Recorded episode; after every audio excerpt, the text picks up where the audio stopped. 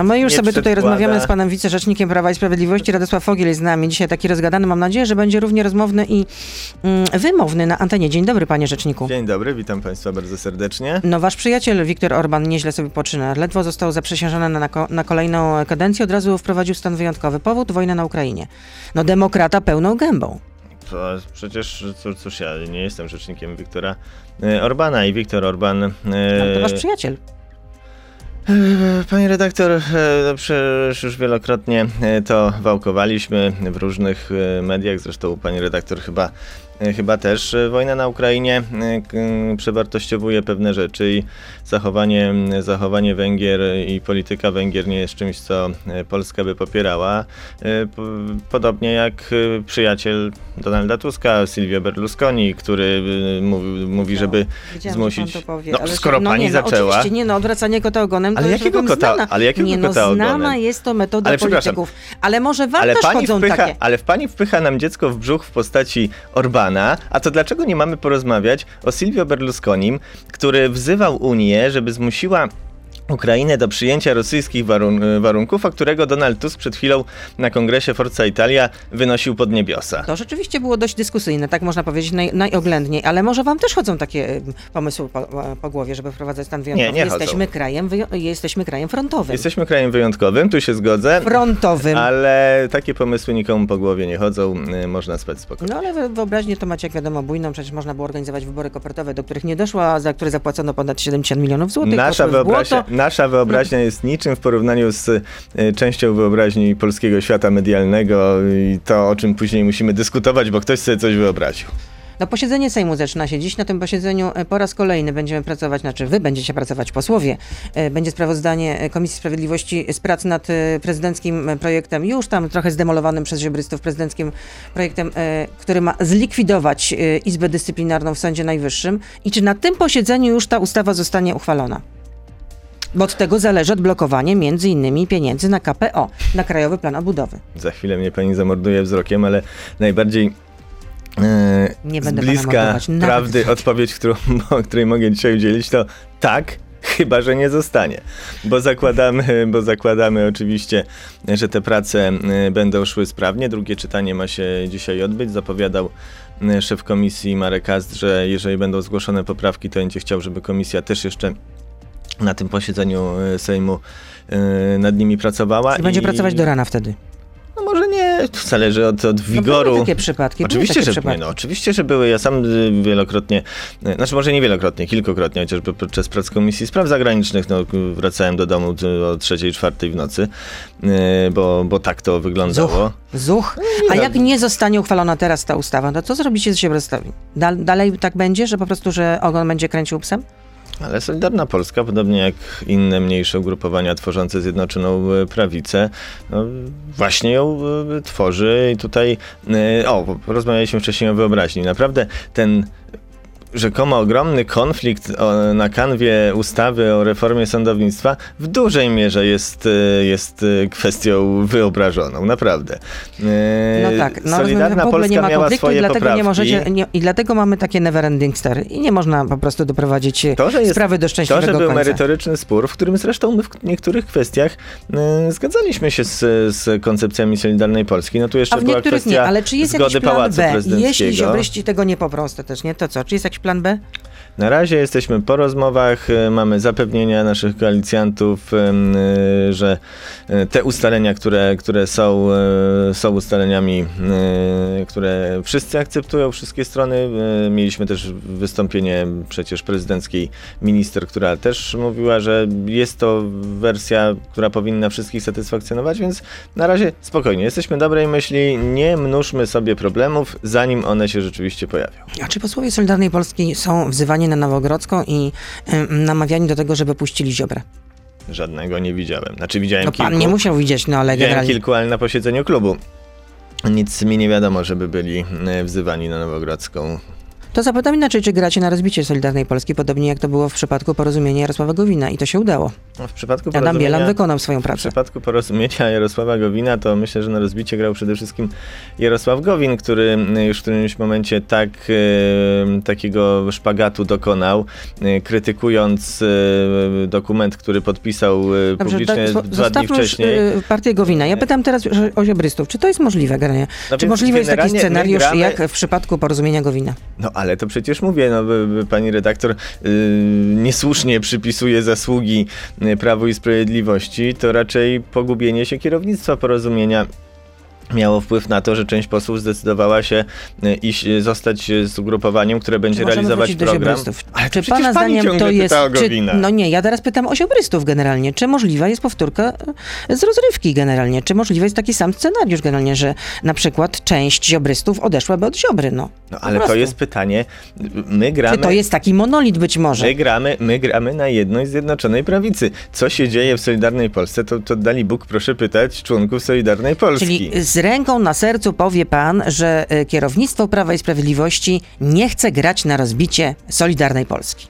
Kierownictwo Prawa i Sprawiedliwości nie chce grać na rozbicie żadnej partii tworzącej Zjednoczoną Prawicę, bo właśnie ten, y, y, ta cząstka zjednoczona jest niezwykle tutaj istotna. A czy Prawo i Sprawiedliwość szuka, szuka już kandydata na prezydenta? Ja wiem, wybory są dopiero za trzy lata, ale takie chodzą pogłoski. Tak, wybory są za trzy lata, Prawo i Sprawiedliwość nikogo nie szuka. Ja wiem, że Radio Z zrobiło sondaż, w związku z czym trzeba o tym porozmawiać, ale wszystkie tego typu sondaże, wszystkie tego typu Dobrze, chwileczkę. e, odwołaj- dywagacje to jest, to jest infotainment. Odwołam się jeszcze do tego, co napisał Super Expert, że rozważany jest jako kandydat, potencjalny kandydat Waldemar Buda, aktualny minister rozwoju. Od niedawna zresztą minister rozwoju. No i co? Rzeczywiście taka kandydatura jest rozważana? Ja myślę, że dzisiaj możemy mówić spokojnie o setkach osób, które potencjalnie mogłyby y, być kandydatami. Czy Radosław bo- Fogiel też? Radosław Fogiel nigdzie się nie wybiera, ale... Nie widzi pan się w Pałacu Prezydenckim. Yy, No ale... dlaczego? No młody, rzutki, No właśnie- wygadany. E, dziękuję serdecznie za te miłe słowa.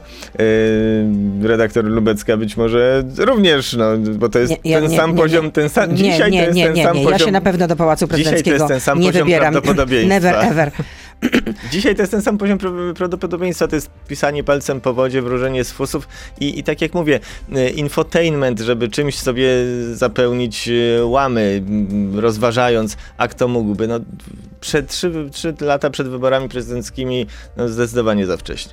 Rozumiem. To będzie w takim razie taki wizj jak w 2015, a wcześniej w 2014, że e, e, Jarosław Kaczyński jak królik z kapelusza, jak królika z kapelusza wyciągnie jakiegoś nieoczywistego kandydata, wtedy był nim Andrzej Duda, e, nieznany szerszej opinii publicznej, a potem okazało się, że wow, i takie imponujące zwycięstwo, ale nie wiem, czy pan wie, to jeszcze dopełnię formalności, jako że mamy sondaż Ibris dla Radia Z i z tego sondażu wynika, że wyborcy Prawa i Sprawiedliwości jednoznacznie wskazują, kogo widzieliby w roli potencjalnego kandydata na prezydenta z ramienia Prawa i Sprawiedliwości. I jest nim Mateusz Morawiecki, aktualny premier. Mateusz Morawiecki jest premierem, sprawdza się bardzo dobrze. 53% wyborców stawia Sprawdza na się premiera. bardzo dobrze na tym e, stanowisku i myślę, że też nie planuje mm, żadnych, e, żadnych e, zmian. A jeśli wygralibyście wybory, to będzie po raz kolejny premier Morawiecki premierem polskiego rządu?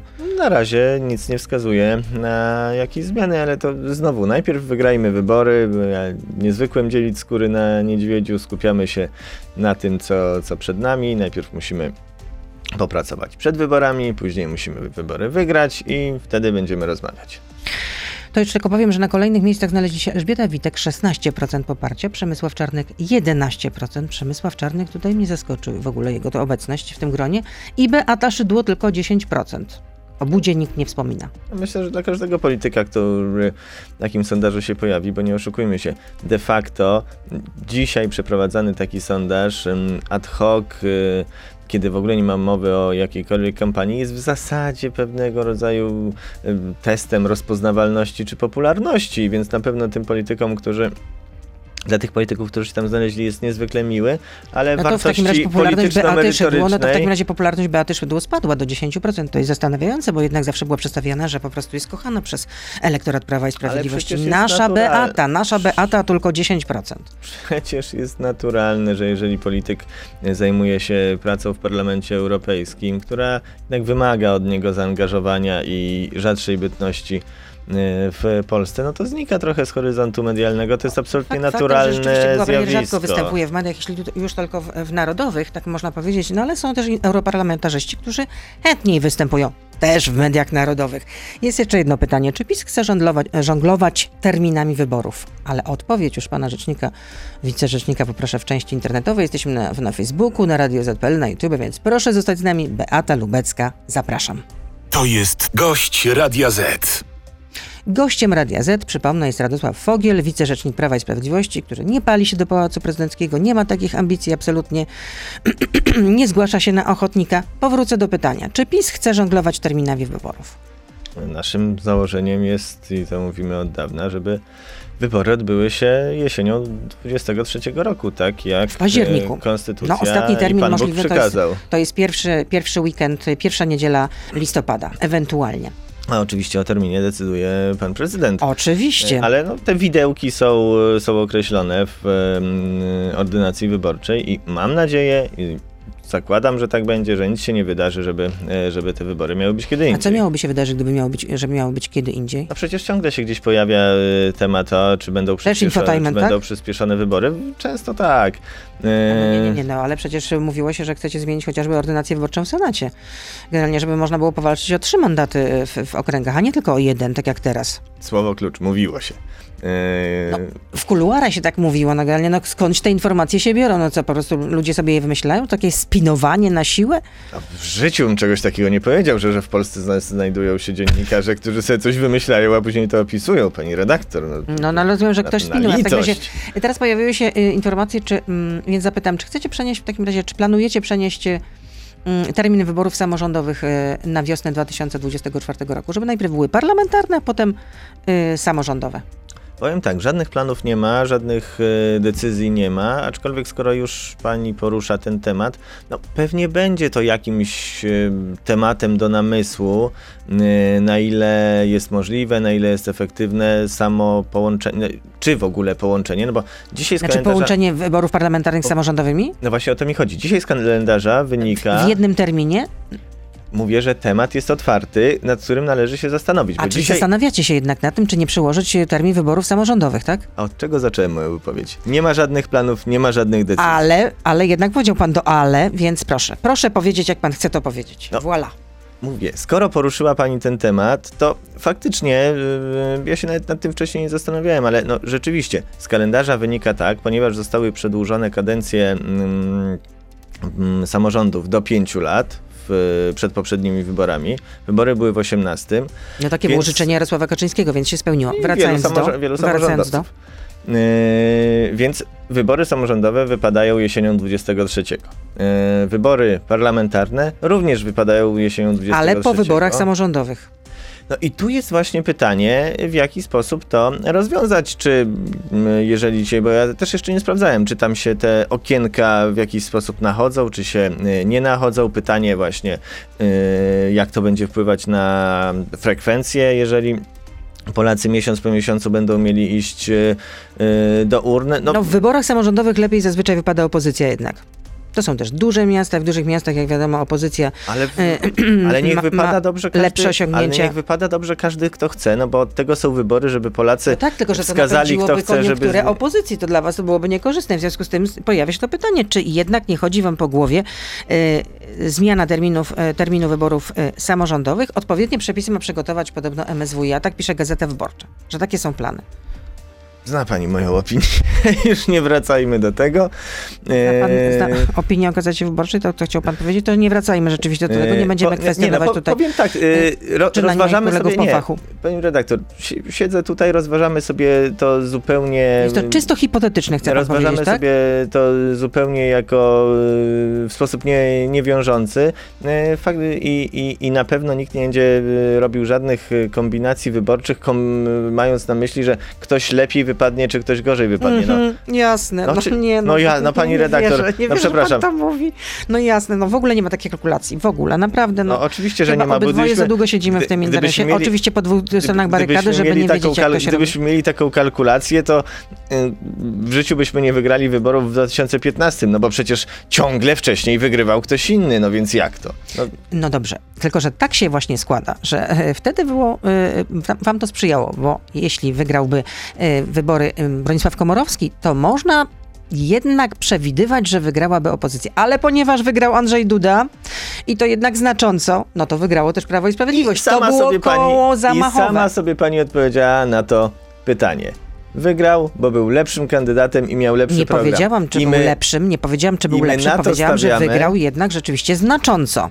Wygrał bez żadnych zmian terminów, bez niczego i również w ten sposób chcemy dzisiaj i w przyszłym roku prowadzić kampanię wyborczą. My wierzymy, że zwyciężymy i że Polacy nas e, wybiorą, zaufają nam, dlatego, że jesteśmy wiarygodni, dlatego, że mamy lepszy program i dlatego, że mamy lepsze rozwiązania dla Polski. I tyle. Ja wiem, że ciągle opozycja kombinuje, e, jak usprawiedliwić swoją potencjalną e, porażkę. E, Taka lista, nie taka lista, wspólna, niewspólna.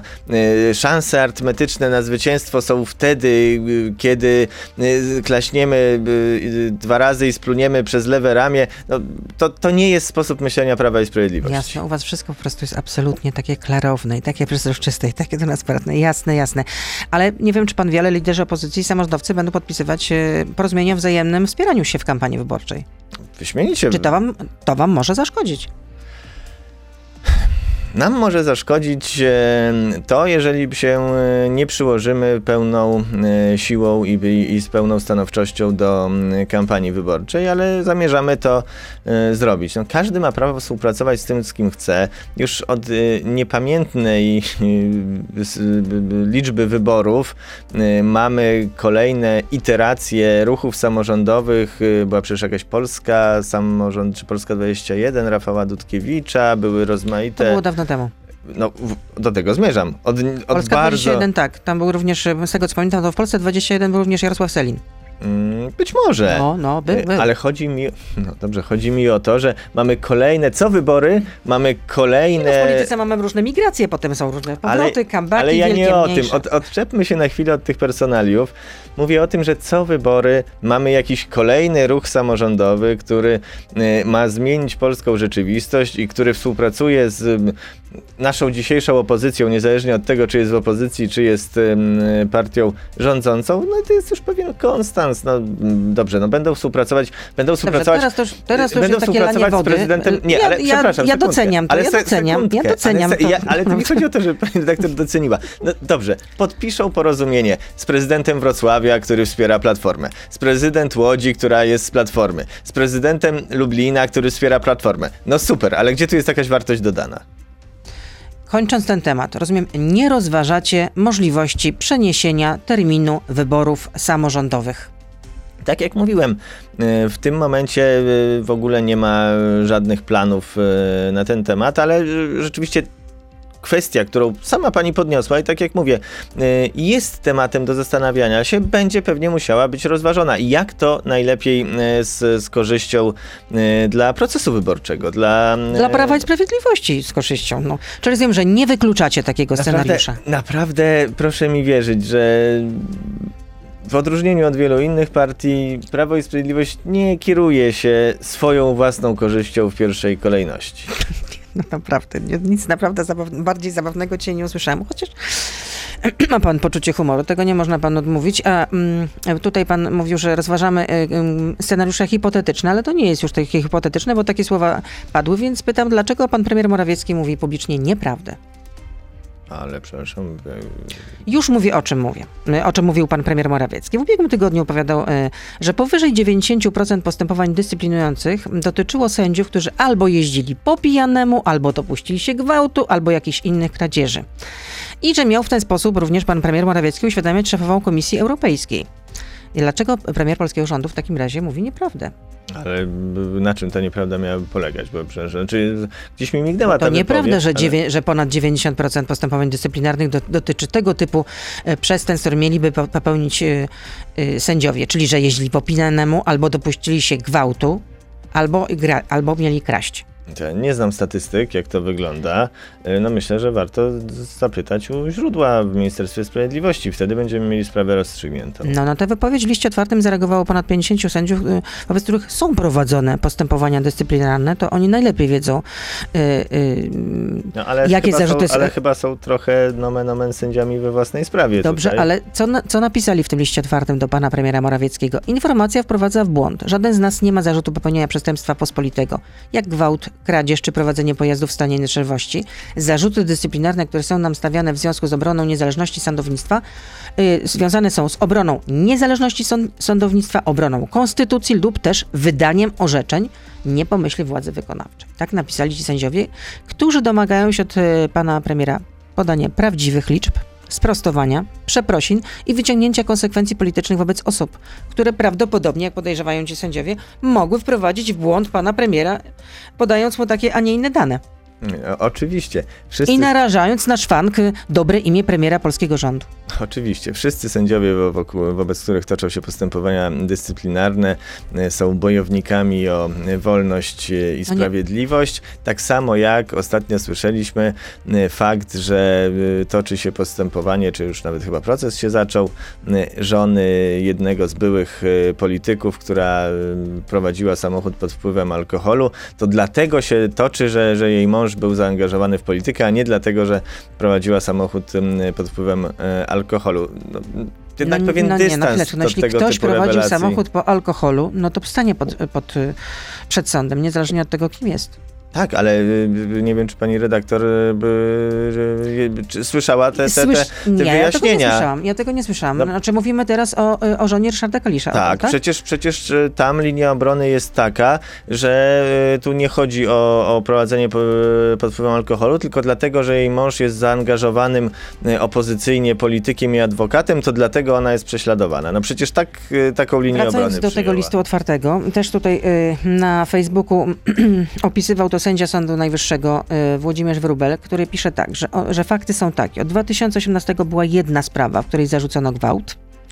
Zarzut kradzieży pojawił się e, także tylko jeden raz. Zarzut prowadzenia samochodu w stanie trzeźwości w 16 sprawach, więc jest to 11% ze wszystkich spraw, w których w latach 2018-2022 złożono do Izby Dyscyplinarnej, jeśli chodzi o wnioski o pociągnięcie sędziego do e, odpowiedzialności karnej. No więc 11%, a 90% to jest zdecydowana różnica. wszystko To jest przepaść. Powtarzam, ja nie mam, nie mam nie y, informacji na temat, jakie to są statystyki, jak to wygląda, tylko y, z procentami jest y, ta y, drobna kwestia, że wszystko zależy od tego, od czego ten procent liczymy. No, sędzia w jakiś sposób uznaniowy sobie wybrał y, te daty. Ja nie wiem, o jakim zakresie czasowym na przykład Ale- mówił ale- pan premier, no więc trudno Ale- mi się do tego Ale jaka to ustosunkować. miała być metodologia stosowana, jeśli chodzi o te procenty? No po prostu jest to liczba spraw, jak tutaj wnosi e, sędzia Sądu Najwyższego Włodzimierz Wróbel, podaje konkrety, ile tych spraw było, o które podejrzewa pan premier sędziów i o No czym tak, mówił ale, ale publicznie. podaje sobie, ale uznaniowo sobie uznaje 18, 22, a może uznajmy, nie wiem, 19, 21 i wtedy te procenty się zmieniają.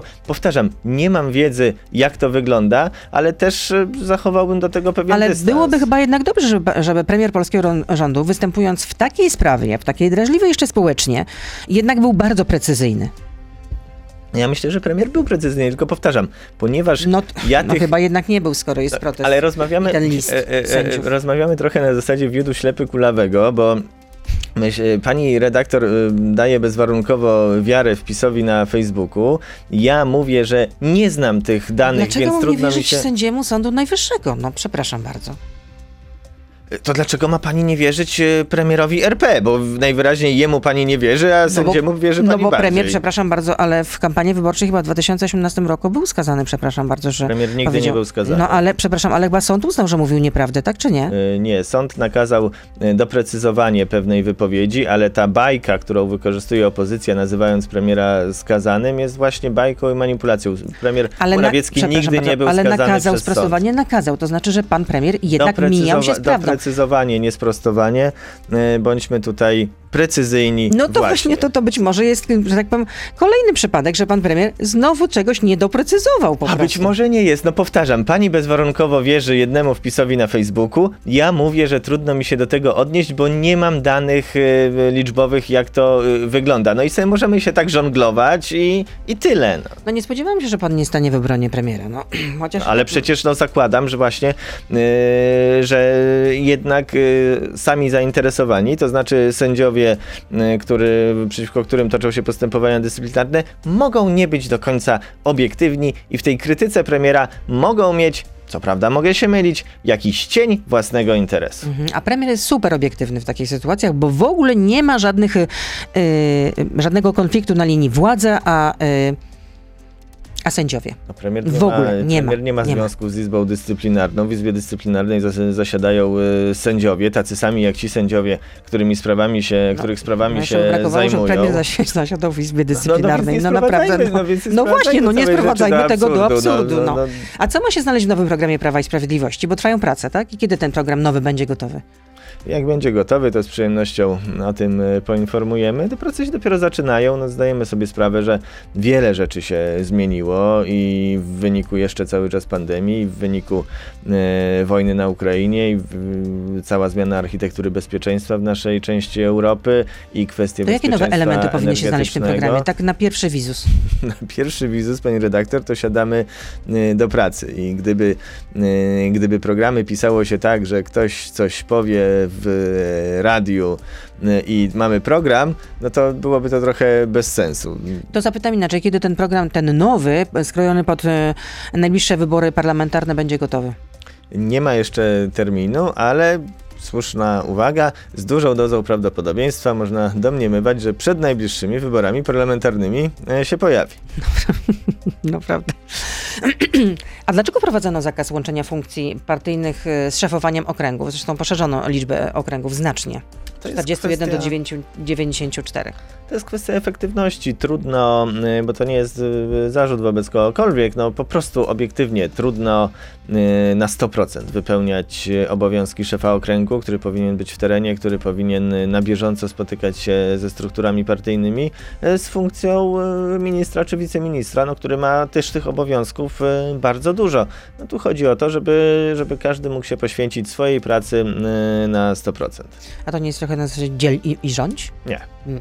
Nie, absolutnie. A kim będą ci nowi pełnomocnicy? To będą jakieś młode wilki?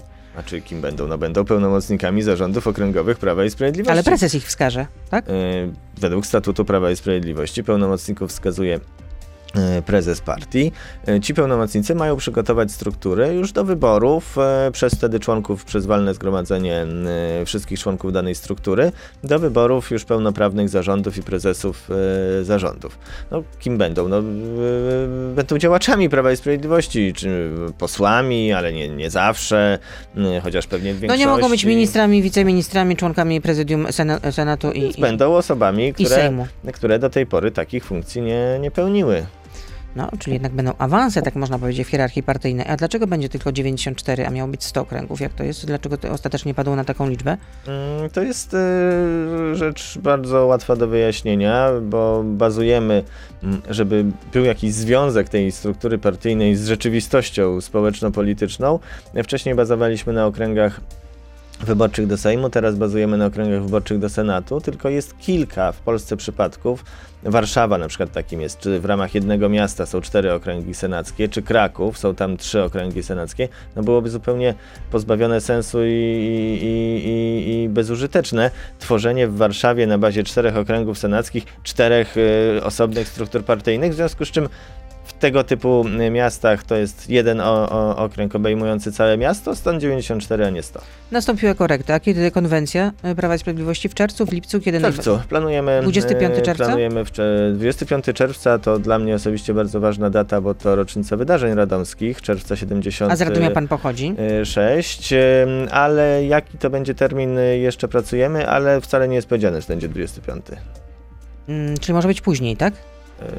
W czerwcu to już tak. To jest ostatnia, to jest, to, to jest Być może będzie, że tak jak mówię, no jesteśmy na etapie planów, e, ustalania kalendarza. Pewnie, pewnie w przeciągu no, nie, nie najdłuższego czasu e, poinformujemy, kiedy ta konwencja Platforma Obywatelska też będzie miała konwencję. W Radomiu właśnie. będzie. Słyszałem, tak. No i też e, planują objazd Polski. No, mają e, w, odbyć tysiąc spotkań. Takie są ustalenia po wyjazdowym m, posiedzeniu klubu e, Koalicji Obywatelskiej. Dobrze, niech zaktualizują sobie mapy w nawigacjach, bo akurat w przeciwieństwie do Prawa i Sprawiedliwości dla nich podróż w Polskę to będzie pewna nowość. No i takie złośliwości właśnie ze strony. Ale jakie złośliwości? Przecież to jest rada płynąca z dobrego serca. Nie chcielibyśmy Nie, to- oglądać, no, nie chcielibyśmy oglądać takich obrazków, jak czasami na YouTubie się pojawiają, że ktoś zaufał nieaktualnej e, nawigacji i wylądował, e, wylądował e, w rzeczce. No, nie życzę tego moim konkurentom z Platformy Obywatelskiej. No, i Jarosław Kaczyński też ruszy w teren, tak? I będzie Oczywiście. wjeżdżał Polskę całą, ale to znaczy, że będzie mm, odwiedzi każdy powiat? Prezes Kaczyński mm, chce odwiedzić każdy z tych nowo powołanych e, okręgów e, wyborczych. E, Jeśli chodzi o powiaty, to będzie to większa grupa posłów, którzy, którzy będą ruszać w Polskę i, i chcemy, żeby w każdym powiecie takie spotkanie się co najmniej jedno odbyło. Czyli prezes będzie objeżdżał Polskę dłużej niż w wakacje. To chyba do końca roku. To też jest wszystko jeszcze do ustalenia, jaki to będzie horyzont czasowy. No też nie zależy nam na tym, żeby e, Polakom wypoczywającym e, w sierpniu e, ładować się za parawan. Swoją drogą ciekawe, kiedy prezes był ostatnio na plaży. Jan pyta.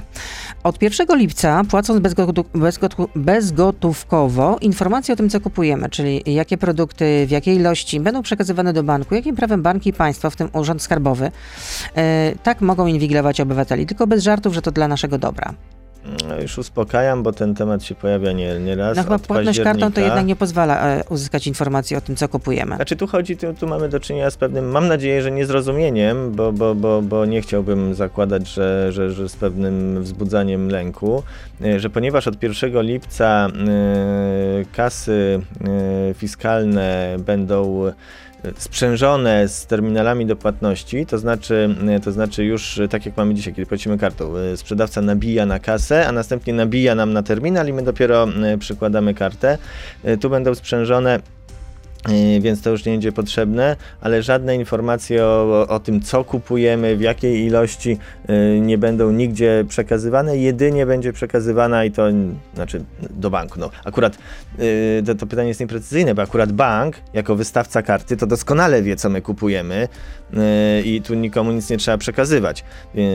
Tutaj chodzi o administrację skarbową, ale jedyne informacje, które, które będą przekazywane, to to, czy płatność była kartą, czy gotówką i to jest wszystko, więc No ale nie jednak skarbówka od paniki. 1 lipca będzie mogła uzyskać e, e, dostęp do każdego konta, niezależnie e, od osoby fizycznej i nie musi to być osoba podejrzana, to, tak jak do tej pory. Czyli jak sobie skarbówka po prostu wymyśli, to może zajrzeć w konto każdej osoby, każdego obywatela, także pana, moje, no czyjekolwiek. Mm, Dzięki. Dlaczego tak? No przecież to jest już naprawdę pełna inwigilacja. Nie sądzę, żeby to była pełna inwigilacja, jeżeli jest to. Ale bo jeśli nie jest to osoba podejrzana, to po co taki zabieg? Już e, wiele reform administracji skarbowej było w przeciągu ostatnich lat i efektem tego jest chociażby, że udało się e, w znaczącym stopniu wyeliminować e, karuzele VAT-owskie. Ale tutaj udało raport się. mniejszości. Podejrzewamy, że każdy może oszukiwać, tak? Generalnie. Nie no, pani redaktor, to naprawdę y, podejście w ten sposób, że, że ktoś chce kogoś inwigilować albo nie daj Boże od razu wykorzystywać e, te informacje, no y, to są informacje, które umożliwiają y, aparatowi skarbowemu wykonywanie swoich y, obowiązków w sposób należyty i tyle. No ale dlaczego w- Urząd Skarbowy ma mieć wgląd w każde konto? Jeśli sobie to wymyśli?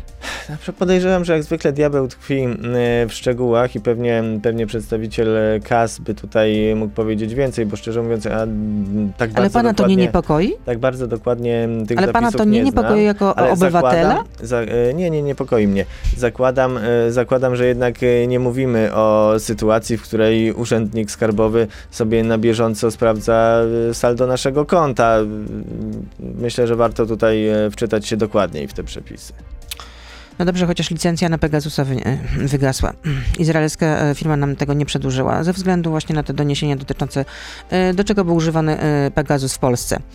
Wojciech Pozwoli pyta. pani, że się do tego nie będę odnosił, bo już kiedyś mówiłem, nie jestem członkiem Komisji Spraw Służb Specjalnych, a nawet gdybym był, to informacje o tym, jakich metod i technik używają polskie służby, no, powinny pozostać przykryte zasłoną milczenia. Wojciech pyta, czy prezes Kaczyński lub wicepre, wiceprezes Morawiecki, czyli premier polskiego rządu, przyjmą kiedyś zaproszenie do gościa Radia Z? Czy będą chodzić tylko do sprzyjających im mediów, tak jak Donald Tusk? Nie wiem, czy przyjmą, nie wiem, czy takie zaproszenie zostanie e, wystosowane. No to jest kwestia pewnej e, polityki Wiele medialnej każdego, e, każdego To może to teraz środowiska. na pana ręce składam zaproszenie dla prezesa Kaczyńskiego. Dziękuję serdecznie, tylko... No i czy pan to przekaże i czy pan będzie jednak przekonywał prezesa, żeby zagościł w gościu Radia Z? Oczywiście- Naprawdę, no, Oczywiście, że przekażę, ale decyzje mamy już... kilka decy- milionów słuchaczy i co? I w takim razie te kilka milionów słuchaczy nie zasługują na to, żeby prezes Prawa i Sprawiedliwości Wszystkie, zechciał odpowiedzieć na pytania, które też również wszystkie- padną w internecie. I wszystkich e, tych słuchaczy serdecznie e, pozdrawiam, tylko e, wracając do tego pytania, bo e, zawierano tezę, która jest nieprawdziwa. No, nie dalej jak wczoraj premier Morawiecki był gościem telewizji CNN. No, jeżeli czytelnik uważa, że telewizja No CNN jest, to jest, jest, jakaś to jest telewizja globalna, mówimy, sposób- ale to No przecież nie, wiadomo, ale, że... no, no nie, ale nie, nie, ale no zarzut nie, był, no, nie, ale- przepraszam, ale, Ale myślę, że chodzi tutaj o nasze podwórko, no to było nasze Zarzut poletko był- tutaj polskie. Zarzut był taki, że rzekomo pan prezes i, i pan premier e, chadzają do mediów, które miałyby e, sprzyjać. W ogóle nie wiem, co to znaczy, że media miałyby sprzyjać. No Myślę, media narodowe nie sprzyjają e, rządowi? Media narodowe wykonują swoje obowiązki Ale nie tak, jak, wyko- tak jak wykonują e, Ale inne media. serio? Nie Ale ja myślę, że gdyby powiedzieć, że pani sprzyja rządowi, to, to, to również e, pani by się obraziła, więc może nie idźmy tą drogą. Więc tak jak mówię, za, e, znaczy, No wystarczy zobaczyć, no jaka jest chociażby, jak często występują tam politycy Prawa i Sprawiedliwości, a opozycji, no to po prostu tylko taki no ale przepraszam, no to będziemy, będziemy statystyka. Bę- Będziemy teraz y, y, prowadzić jakieś statystyki, kto jak często występuje. No, no będziemy Nie, no już sprawdzać, wiemy, że nie jest pan zwolennikiem statystyki, to już wiemy, to już wiemy. No to był jeden z trudniejszych egzaminów, y, z którymi się mierzyłem. To inna sprawa, więc może mi pozostała y, pewna Dobrze. niechęć. Ale nie, jedno zdanie. Znaczy, bo po prostu to jest pytanie, które wprowadza pewną nieprawdziwą tezę, którą warto, y, warto y, obalić. No, tak jak mówię, Wczoraj y, premier wystąpił w CNN-ie. No jeżeli nasz, czy- nasz słuchacz czy czytelnik No, uważa, że CNN Radia Z też nie, jest jakoś też nie specjalnie... Ja rozumiem, że no nie mamy takiego zasięgu globalnego jak Ja- ja CNN, rozumiem, że pani- oczywiście, ale, ja mamy rozumiem, duże zasięgi Ja rozumiem, w Polsce. że pani redaktor jak lwica młodych broni Radia Z i szanuje to, ale żebym ja mógł chociaż dokończyć zdanie. No jeżeli nasz czytelnik uważa, Pan że... broni swojej partii, ja bronię e, miejsca Nie, ja, ja bronię rzeczywistości. Ja też bronię rzeczywistości, jeżeli bo takie są Ale fakty. Mogę zdanie? Jedno, Proszę. proszę bardzo.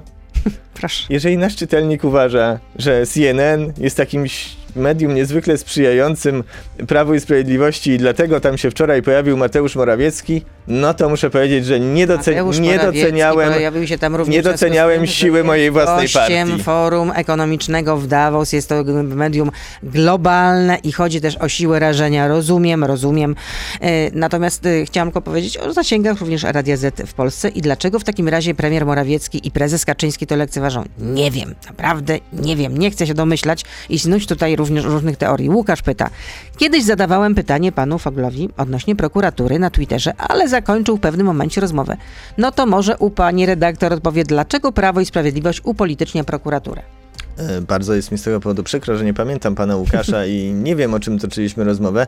No, kolejne jest pytanie e, z tezą, a ponieważ Prawo i Sprawiedliwość e, nie upolitycznia prokuratury, no to całe pytanie jest pozbawione podstaw. Nie upolitycznia, w ogóle nic, absolutnie. Nie no, rozumiem. Znaczy, prokuratura, rzeczywiście prokuratura zdarza się jej e, samej się upolityczniać, no jak e, chociażby, jak chociażby e, pani bardzo, bardzo zaangażowana medialnie i publicznie pani prokurator, która wszczynała jak się ostatnio dowiedziałem, wystąpiwszy o y, dostęp do informacji publicznej, y, wszczynała śledztwo w sprawie wyborów korespondencyjnych na podstawie y, jakiegoś cytatu z mojej wypowiedzi w jakimś niszowym serwisie.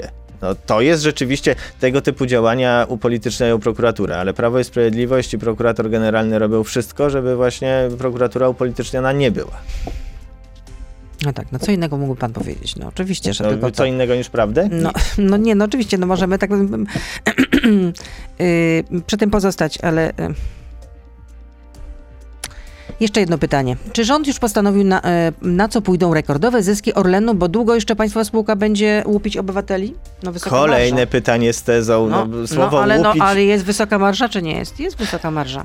Ale to znowu, mylimy, tłumaczył to kiedyś premier, prezes Obajtek, mylimy y, marżę y, rafineryjną, która jest y, wyłącznie syntetycznym wskaźnikiem, który, który jest używany w przedsiębiorstwach paliwowych, z marżą na stacjach benzynowych. No, ostatnie raporty Orlenu, żeby, żeby, żeby sfalsyfikować tezę o łupieniu, pokazują, że akurat sprzedaż paliw w Polsce to jest dosłownie ułamek y, dochodów Orlenu, ale jeszcze jedna y, rzecz warta wzmianki, o której chyba czytelnik, nie wiem, czy, czy, czy, słuchacz, y, czy nie wie, czy postanowił ją wygodnie pom- pominąć.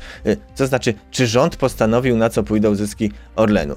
Rząd, czyli Skarb Państwa, po pierwsze wcale nie ma większościowego udziału w Orlenie, ma największy, ale wcale nie większościowy i, i sam decyzji podejmować nie może. Po drugie, o, to, y, o tym, czy dywidenda spółki będzie wypłacona, decyduje, y, decydują wszyscy udziałowcy i w związku z tym no, mówienie, że y, rząd ma coś pod, podejmować decyzję o zyskach Orlenu, no jest też kompletnie kulą w płot.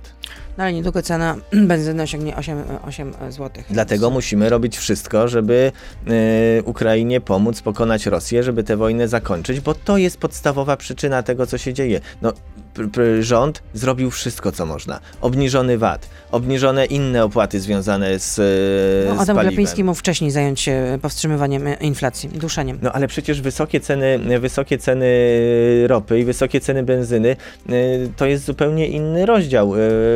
W ogóle doszło do, wczoraj czytałem artykuł na ten temat, doszło do sytuacji niecodziennej, ponieważ z uwagi na to, że mm, zapasy produktów paliwowych y, się zmniejszają, to ceny benzyny w ogóle oderwały się od y, notowań samej ropy.